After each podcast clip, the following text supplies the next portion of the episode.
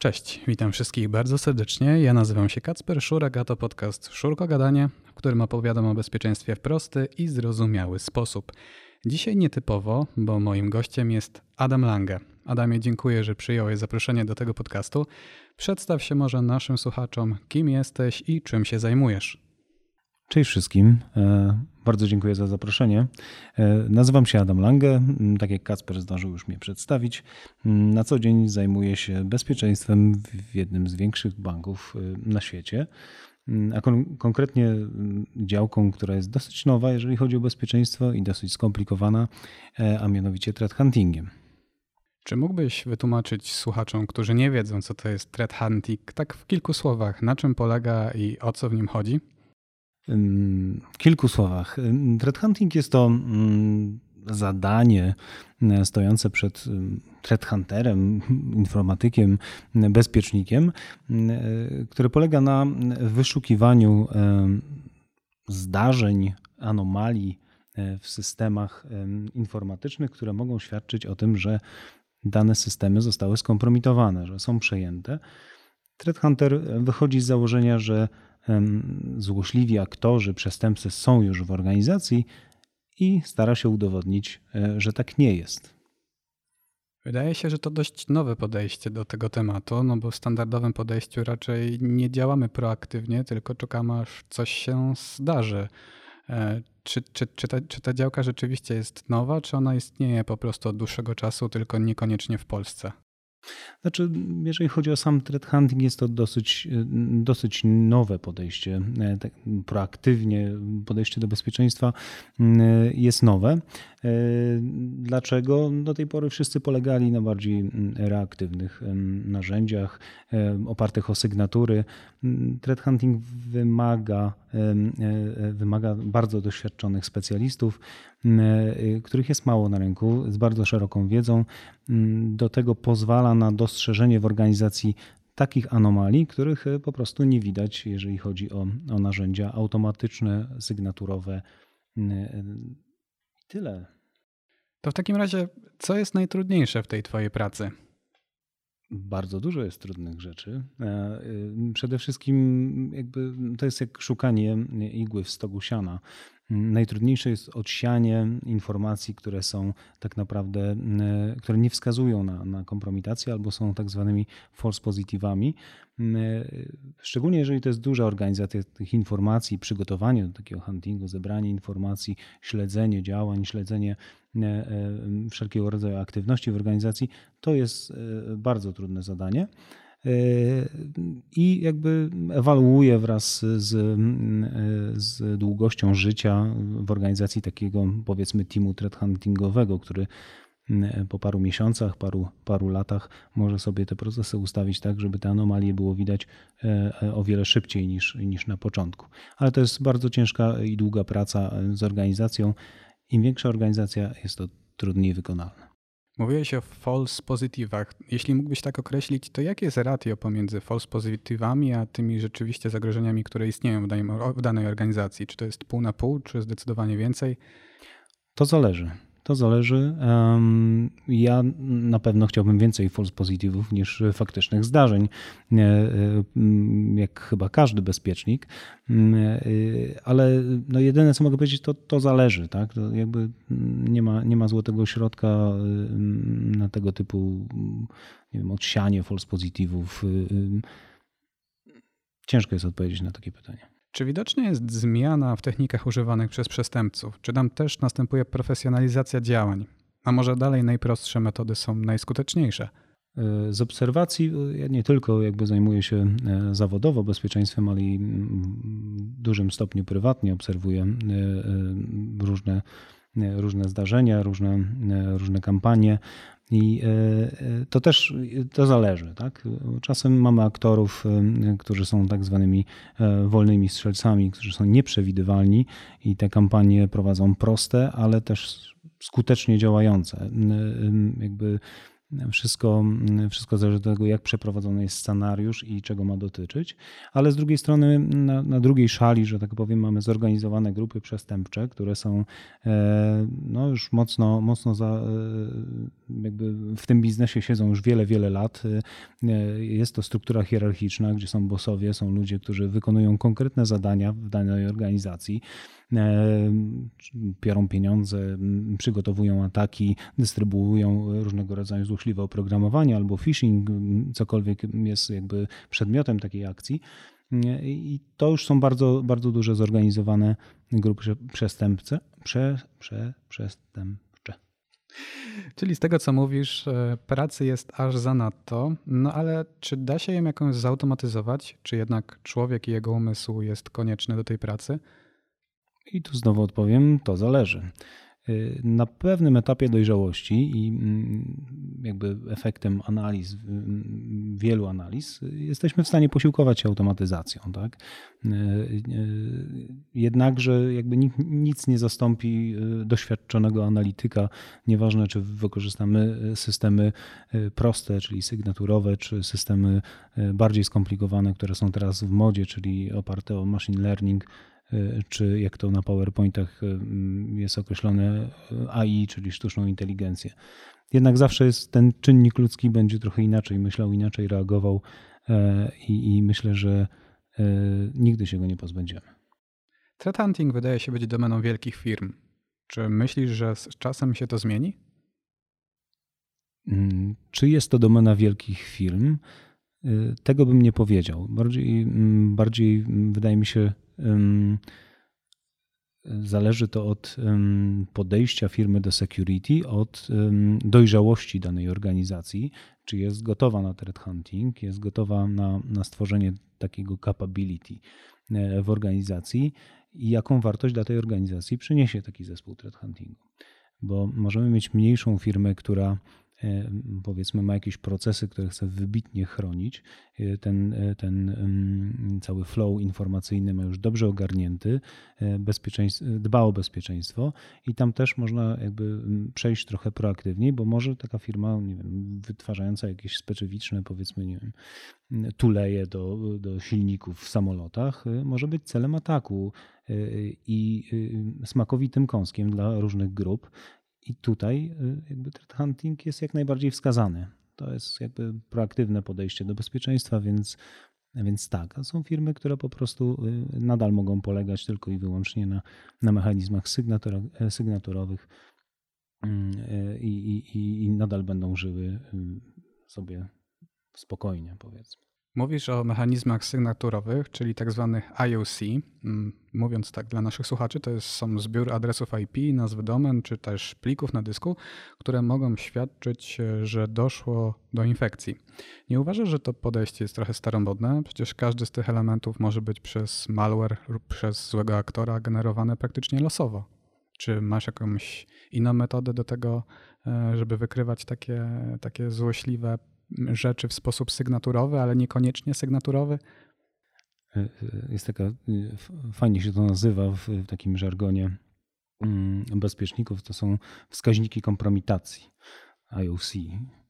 Więc mm, nie powinniśmy polegać na, na IOC, jeżeli chodzi o mm, proaktywne podejście do bezpieczeństwa, jednakże pomagają jak najbardziej w wyszukiwaniu zagrożeń, które mogą być w organizacji i e, są znane. E, chociażby silniki antywirusowe korzystają z e, takich mm, sygnatur, które jakby nie może, może nie są e, mm, typowymi IOC-kami, czyli nie są haszami, nie są IP-kami, chociaż IP-kami pewnie tak, ale mm, te sygnatury, które mają w systemach antywirusowych też, też są takimi IOC-kami i pozwalają na wykrycie zagrożeń, które są już stare. Powiedzmy mają tam 24 godziny i tak 24 godziny to już jest stare IOC ale z kolei jakby jest wiele sytuacji, kiedy nawet sprawdzenie swojej infrastruktury pod kątem czy, czy endpointów, czyli komputerów użytkowników pod kątem starego IOC może nam odpowiedzieć na pytanie, czy coś przypadkiem nie zalęgło się e, i nie zostawiło śladu naszej organizacji. Jeżeli chodzi o, o same IOC, to też widzę trend taki, że niektóre firmy próbują sprzedawać takie e, feedy chociażby z IOC-kami typu hasze czy adresy IP jako tak zwany threat intelligence. No, nie jest to threat intelligence, to są tylko artefakty, które, które jakby wspomagają w, w odnalezieniu informacji bazujących na tym, co już się wydarzyło, a nie to, co się wydarzy. Sporą część ataków powodują makra w Office. To może je po prostu globalnie wyłączyć w organizacji. Sporą część ataków y, kierowana jest też w kierunku systemów y, z rodziny Windows. A może odeinstalujmy wszystkie Windowsy z komputerów użytkowników.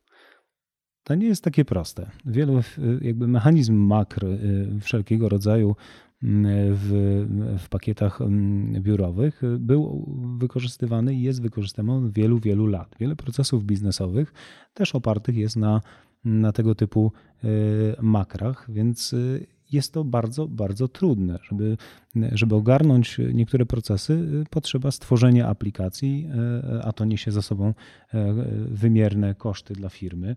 I da się to zrobić?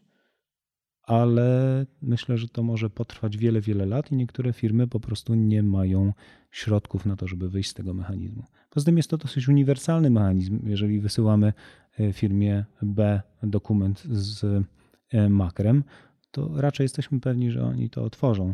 W innym wypadku musielibyśmy dać im dostęp do systemu albo użyć innego standardu. Czyli jesteśmy skazani na Office'a, nic lepszego nie ma, a rozwiązanie działa, więc po co zmieniać? Tak, oczywiście jakby jest, rozumiem pytanie, Office i Macra są często wykorzystywane przez przestępców mm, do dystrybucji złośliwego oprogramowania. Mm, no ale tak jak wspomniałem, złośliwe oprogramowanie jest też na systemach Windows i dlaczego nie pomyślimy, żeby wszystkich przerzucić na inne systemy operacyjne? Jest to po prostu y, to ciężko, ciężko zrobić, i, a wykonalne moim zdaniem.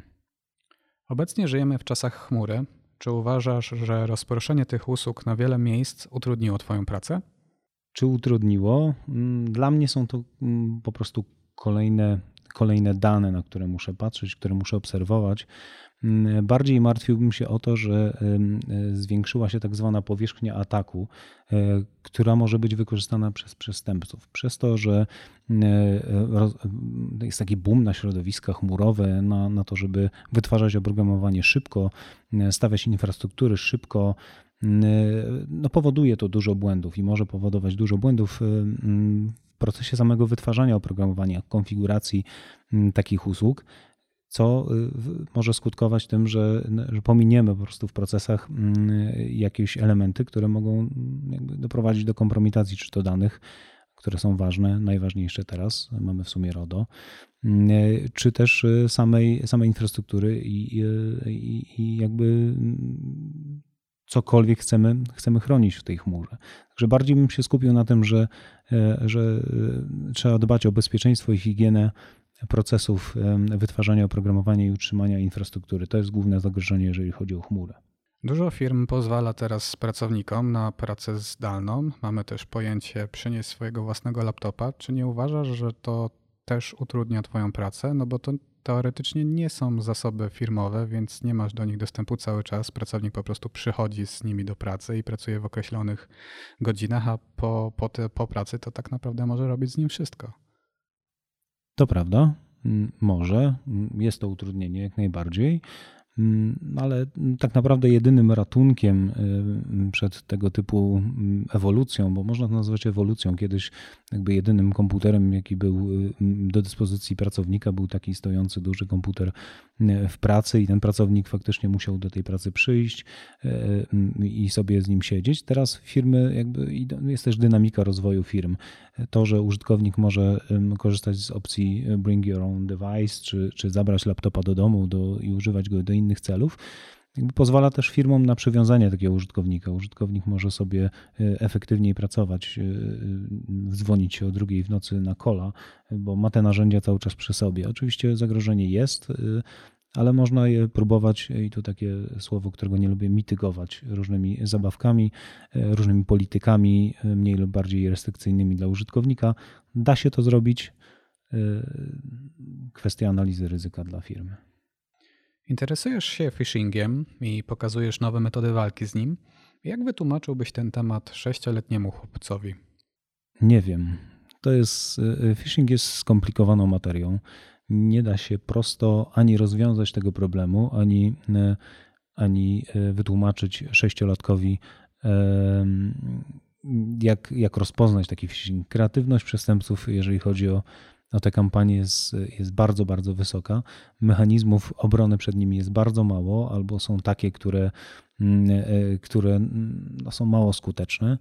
No i przede wszystkim użytkownicy nie dbają o bezpieczeństwo, nie, jakby nie zachowują tej higieny, e, żeby jednak zatrzymać się chwilę i popatrzeć na tą stronę internetową, czy na pasek adresu, czy, czy, czy i rozpoznać, albo starać się chociażby rozpoznać bo nie, to są tylko użytkownicy, nie wymagajmy od nich, że oni będą wiedzieli to, co my jako, jako eksperci od bezpieczeństwa, ale taka chwila refleksji w momencie, kiedy ktoś loguje się do, do swoich danych wrażliwych typu bankowość elektroniczna czy y, serwisy, które, które przetrzymują nasze zdjęcia, maile, jednak y, jest, jest wymagana. Trzeba, trzeba trochę się zatrzymać, pomyśleć, zastanowić, obejrzeć tą stronę, ten pasek adresu.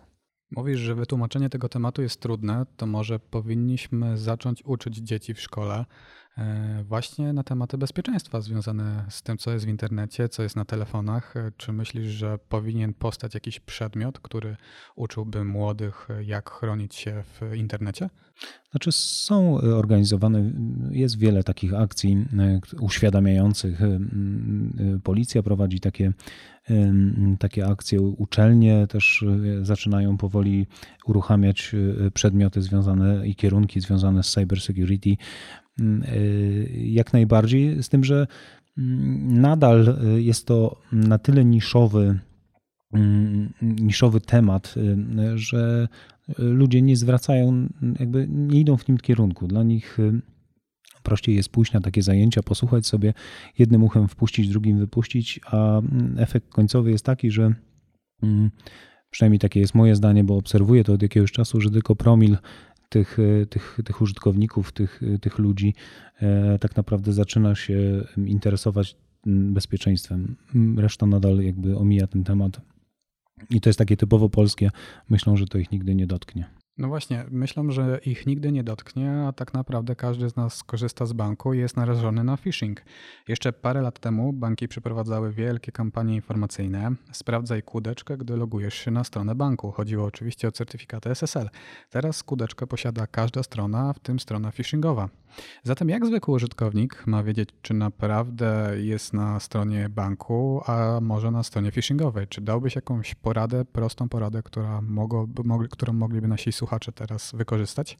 Tak, y, mieliśmy okazję dzisiaj troszeczkę podyskutować y, y, przed nagrywaniem podcastu na ten temat i moją radą jest to, żeby przenieść się na aplikacje mobilne. To dość kontrowersyjne, myślę. Myślę, że sporo osób będzie twierdziło, że aplikacje mobilne nie są jednak bezpieczne, ponieważ w Android Store znajduje się dużo różnych ciekawych rzeczy, więc jakbyś odpowiedział takim osobom?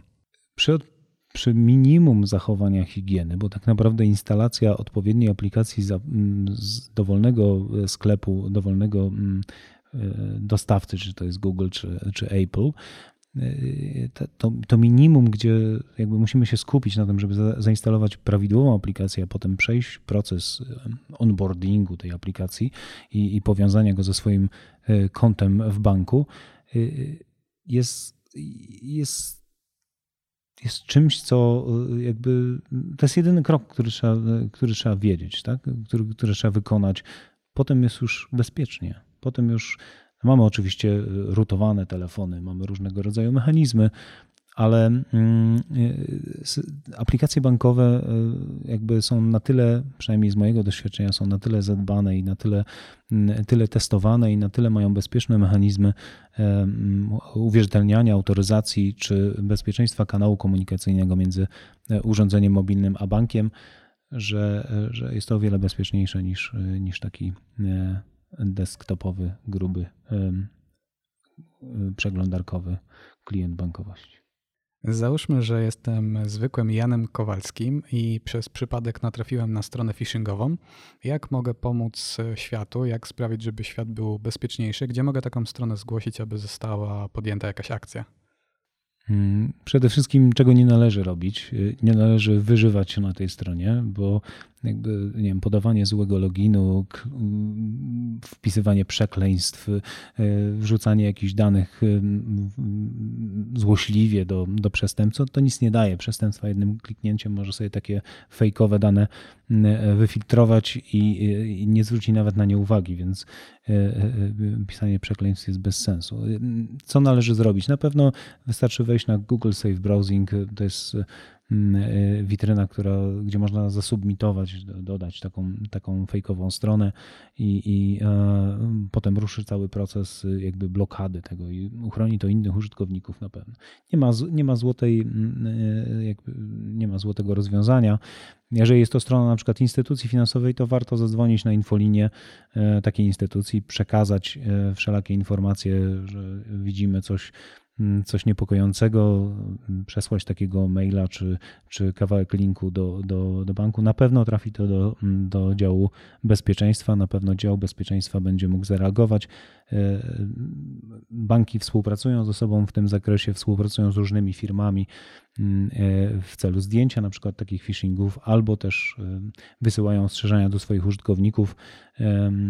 Także tak to można zrobić to można zrobić. Resztę ja bym zostawił y, osobom, które w tle gdzieś się tym zajmują e, i profesjonalnie takie rzeczy wyszykują i ubijają. Wspomniałeś o zdjęciu strony, czyli myślę, że chodziło ci o to, aby tą stronę po prostu usunąć z internetu. Wydaje mi się, że to nie jest takie proste, ponieważ e, no, tutaj wchodzi prywatność użytkowników, to, że kto jest właścicielem danej domeny, czy rzeczywiście e, w Polsce na przykład istnieje jakiś organ, który mógłby bardzo szybko złośliwą domenę usunąć z internetu, a nie tylko zablokować na przykład w Google Safe Browsing? Czy, czy jednak trzeba tylko, nie wiem, pana prokuratora, który wypisze jakiś nakaz, czy to jest zdecydowanie trudniejsze? Hmm. Usunięcie strony phishingowej z, z internetu jest e, bardzo trudne. E, przede wszystkim dlatego, że jest to globalna wnioska. E, e, dostawców usług internetowych, hostingów jest wielu. Niektórzy chcą współpracować, niektórzy nie chcą. Niektórzy wymagają wyroku e, sądowego, żeby cokolwiek zrobić z, danym, z daną domeną, czy z danym hostingiem, czy z, danym, z daną treścią. Niektórzy działają od razu po zgłoszeniu. Można z takim hostingiem czy, czy firmą się porozumieć i, i e, faktycznie proaktywnie mm, to działa.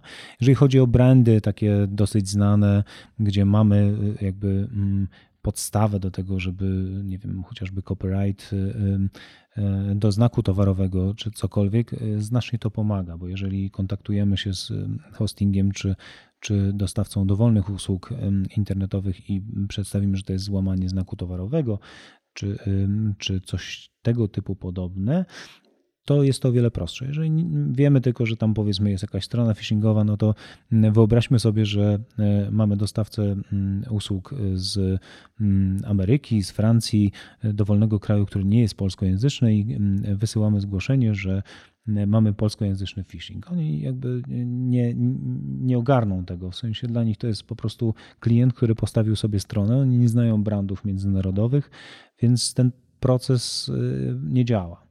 Z drugiej strony, jeżeli chodzi o same witryny phishingowe, to przez to, że używamy tego prostego rozwiązania jak Google Safe Browsing czy antywirusy blokują nam, czy inne usługi blokują nam te witryny, przestępcy bardzo, bardzo szybko rotują. W sensie oni zmieniają sobie te domeny. Te domeny mają czas życia w okolicy jednego, dwóch dni maksymalnie. Dlatego y, też jest z tym ciężko walczyć. To, że rozpoczniemy proces y, tak zwanego ubijania domeny, czy, czy jej, y, jego usunięcia, jej usunięcia z internetu, czy danego phishingu, to za chwilę się może okazać, że zanim zakończymy ten proces, to powstało jeszcze 10 innych, które zostały rozesłane do, do użytkowników. Co sądzisz o dyrektywie PSD2? Czy to krok w dobrą stronę? A może niczego to tak naprawdę nie zmienia? I tutaj znowu powiem, to zależy. To dzisiaj jest takie, tak, tak, kluczowe. No, nie ma prostych odpowiedzi na takie pytania. Przede wszystkim dyrektywa PSD2 poprawia mm, pewne podejście do bezpieczeństwa, jeżeli chodzi o, mm, o usługi e, finansowe i elektroniczne związane z finansowymi czyli chociażby pewne wymogi, które nakłada regulator na, na, na instytucje finansowe, czy to TUFA, czy, czy, czy dbanie o bezpieczeństwo trochę bardziej e, wymuszone dbanie o bezpieczeństwo e, tych użytkowników i danych bezpieczeństwo sesji bankowych itd. Tak itd. Tak Z drugiej strony dyrektywa PSD2 otwiera nowe pole, które jest jeszcze nie za bardzo rozpoznane i, i może przynieść dużo niespodzianek, a mianowicie otwiera, pozwala na otwarcie usług bankowych do e, podmiotów trzecich. I tutaj jakby podmiot trzeci będzie mógł w kontekście klienta pozyskać dane o historii chociażby, tudzież wykonać w kontekście klienta operację e, e, finansową lub dowolną inną, na którą jakby pozwoli API wystawione przez bank.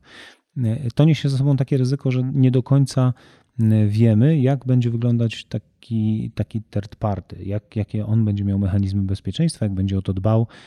Banki od wielu lat muszą o to dbać, bo są jakby pod ścisłą kontrolą regulatorów. Te wszystkie procesy są wygrzane, przetestowane, Oczywiście nie mówię, że się nie zdarzają błędy, bo się zdarzają jak w każdych organizacjach, ale, ale są bardziej przygotowane, e, żeby chronić dane użytkowników, e, czy to finansowe, czy, czy inne wrażliwe. No tutaj mamy faktycznie problem, że nie wiemy, co nadejdzie z tych third party tak zwanych. Czyli możemy mieć do czynienia z drugą Cambridge Analyticą. Możemy, i, ale z drugiej strony na pewno jako bezpiecznicy będziemy mieli zapewnioną pracę do do końca życia plus jeszcze parę jeszcze dni. SIM swap to możliwość wyrobienia duplikatu karty SIM e, przy pomocy fałszywego dowodu, a następnie użycia takiej karty SIM do zalogowania się chociażby do bankowości mobilnej, e, czy też do po prostu banku. Czy nie uważasz, że banki powinny ze sobą współpracować w tym temacie, tak jak to ma miejsce w innych krajach? Banki albo telekomy, no bo tu też telekomy powinny się sytuacją zainteresować. No właśnie, y, telekomy, bo banki jak najbardziej współpracują ze sobą w, różnych, w różnym zakresie, między innymi bezpieczeństwa. Y, z tym, że problem SIM swapów y, wydaje mi się i z mojego doświadczenia mogę powiedzieć, że jest bardziej problemem procesów po stronie telekomów. Tutaj mamy problem taki, że telekomy muszą jednak zmienić swoje procesy weryfikacji takich klientów y, y, przed wydaniem takiego, takiego duplikatu karty SIM, do, jakby dobezpieczyć to wszystko. Oczywiście telekomy bronią się w drugą stronę, że SMS-y nie są, nie są rozwiązaniem, które, które ma zapewnić bezpieczeństwo środków i że to, że banki używają SMS-ów, to jest tylko i wyłącznie dla wygody i banków, i użytkowników. No myślę, że część rzeczy, jakby część tego typu problemów odejdzie, jeżeli chodzi o SIM swapy.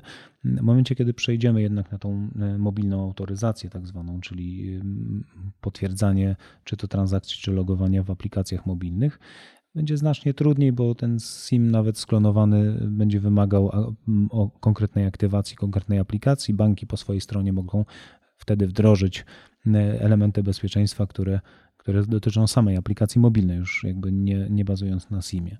Ale y, problem SIM swapu jest bardziej, wydaje mi się, jakby z mojego doświadczenia, że to jest problem procesów u samych operatorów. Swoją przygodę z bezpieczeństwem zacząłeś już jakiś czas temu. Jaką poradę dałbyś osobom, które dopiero wkraczają w ten świat? To jest dobre pytanie, jaką poradę. Mm, jeżeli chodzi o, e, o bezpieczeństwo, mm, no ja troszeczkę w innych czasach e, zacząłem się tym zajmować. Internet jeszcze nie był tak popularny. Nie było tak bardzo skomplikowanych procesów, tylu, tylu różnych frameworków, więc to było trochę prostsze. Przez wiele, wiele lat e, to była tylko ewolucja jakiejś tam zdobytej wiedzy. Teraz jest trudniej. Teraz mamy bardzo duży szum, bardzo dużo różnych technologii, od blockchaina, chmury, e, poprzez frameworki różnego rodzaju programistyczne. Mm, więc y, moja rada zacząć od, od, od specjalizacji, skupić się na, na jakiejś rzeczy jednej, ale opracować ją do końca, na ile jest to oczywiście możliwe, i wyspecjalizować się w, jednym, w jednej działce bezpieczeństwa, a potem rozszerzać tą wiedzę. I to jest moja rada. Chociażby można zacząć od aplikacji webowych, jest tam dużo frameworków, ale, ale nadal jest to, e, jeżeli chodzi chociażby o pentesty, da się to, to fajnie ogarnąć, e, nawet e, jakby dosyć szybko. Myślę, że to jest pewne zasady, które trzeba poznać, a potem można na spokojnie mm, sobie nawet skomplikowane frameworki podstawowymi zasadami jakimiś ogarniać. A myślisz, że bezpiecznik powinien umieć programować, czy może po prostu ta wiedza nie jest mu do niczego potrzebna? Moim zdaniem tak, pozwala to na e, sprawniejsze poruszanie się e, w, chociażby podczas pentestów. Dobrze jest wiedzieć, e, co może spowodować dana akcja, jak zareaguje kod. Częściowo też częścią pentestów jest tak zwany code review, gdzie można pewne rzeczy zbadać, zanim jeszcze wykonają się ataki takie po prostu w runtime. Tak? Więc jak najbardziej jest to wskazane pozwala to na zrozumienie y, tego, no powiedzmy, zrozumienie w jakimś stopniu, bo mm, czasem programiści wymyślają takie algorytmy, że często nawet czytając kod nie jesteśmy w stanie jakby dojść do tego, jak to będzie działać i co, jak to zareaguje taki kod na, na atak.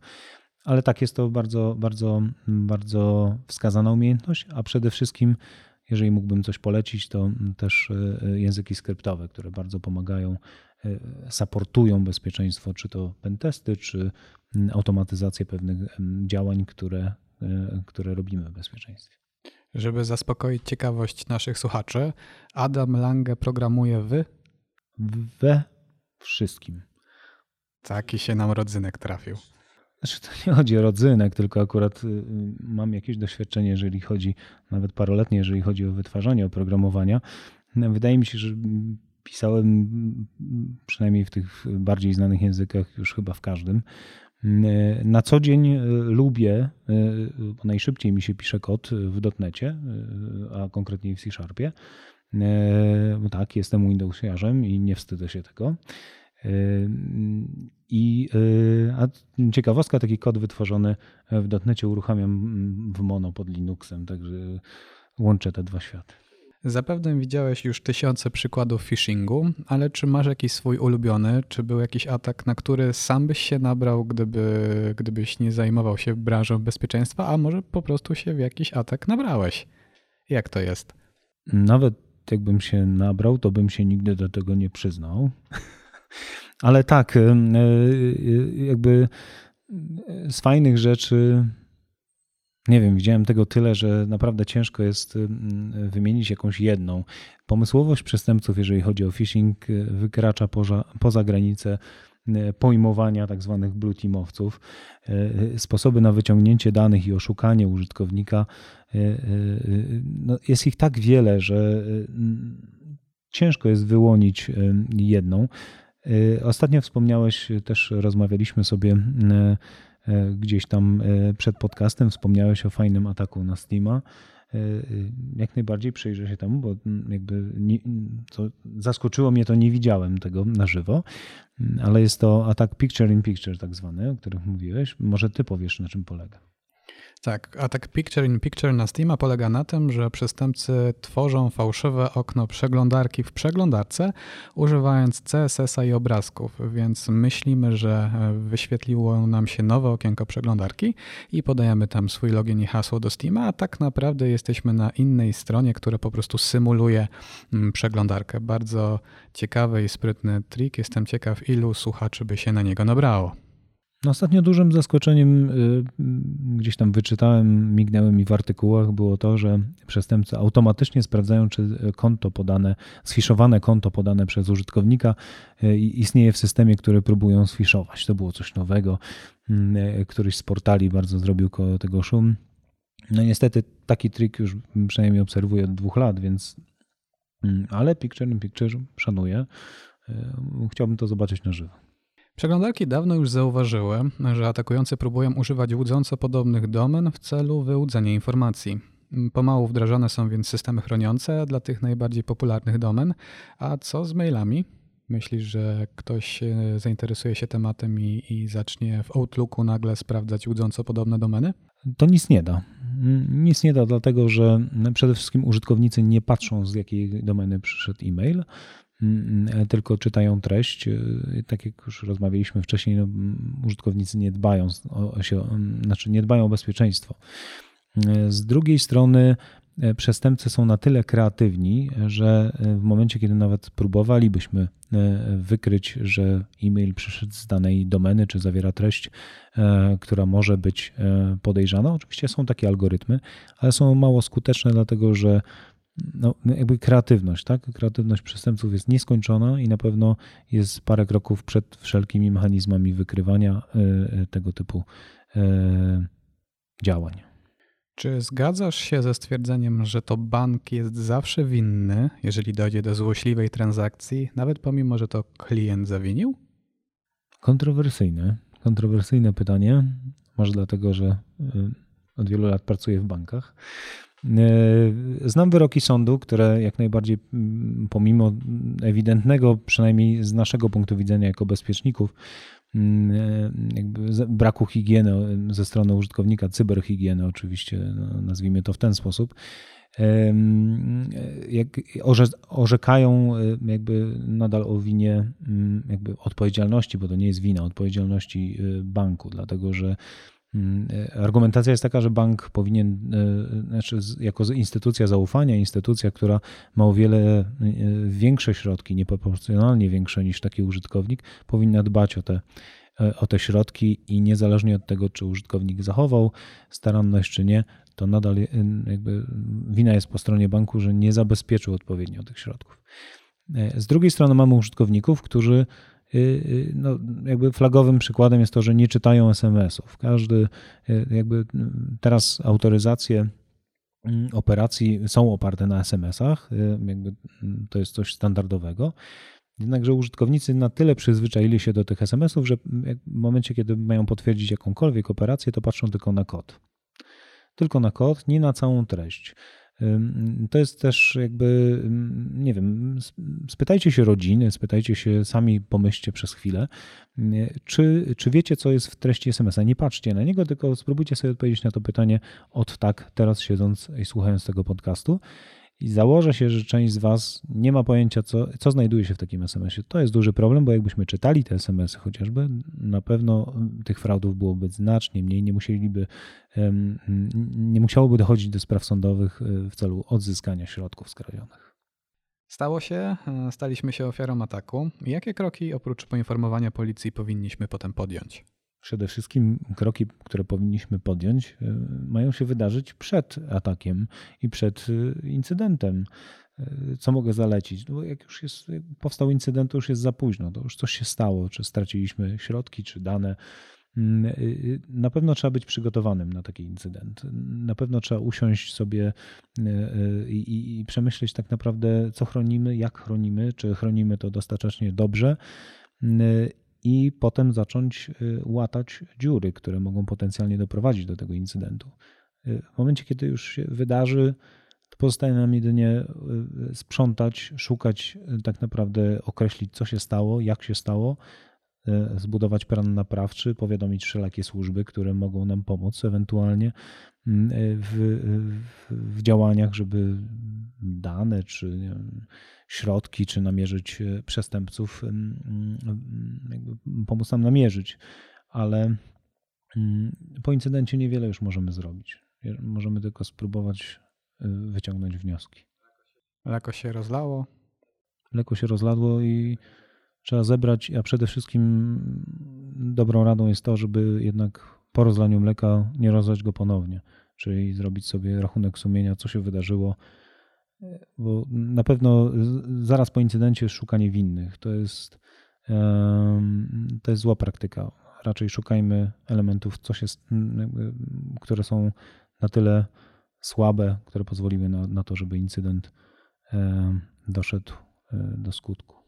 Adamie, serdecznie dziękuję Ci za tą rozmowę. Myślę, że stanowić będzie e, źródło inspiracji dla moich słuchaczy. E, no i tyle. Dzięki serdeczne. Bardzo dziękuję. E, mam nadzieję, że,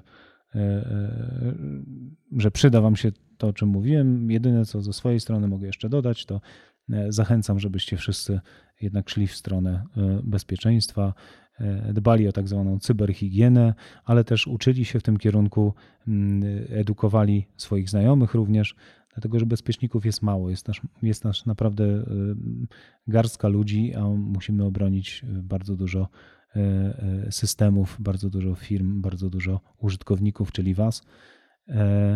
A to jest fajna praca, także warto poświęcić lata nauki, bo tak, to są lata nauki, niczego nie nauczymy się w 24 godziny, chociaż widziałem takie książki, Naucz się bezpieczeństwa w 24 godziny, e, weekendowa lektura tak zwana, e, ale, ale, ale tak, zachęcam, e, chodźcie do nas, róbcie bezpieczeństwo, będzie fajnie, mamy cukierki.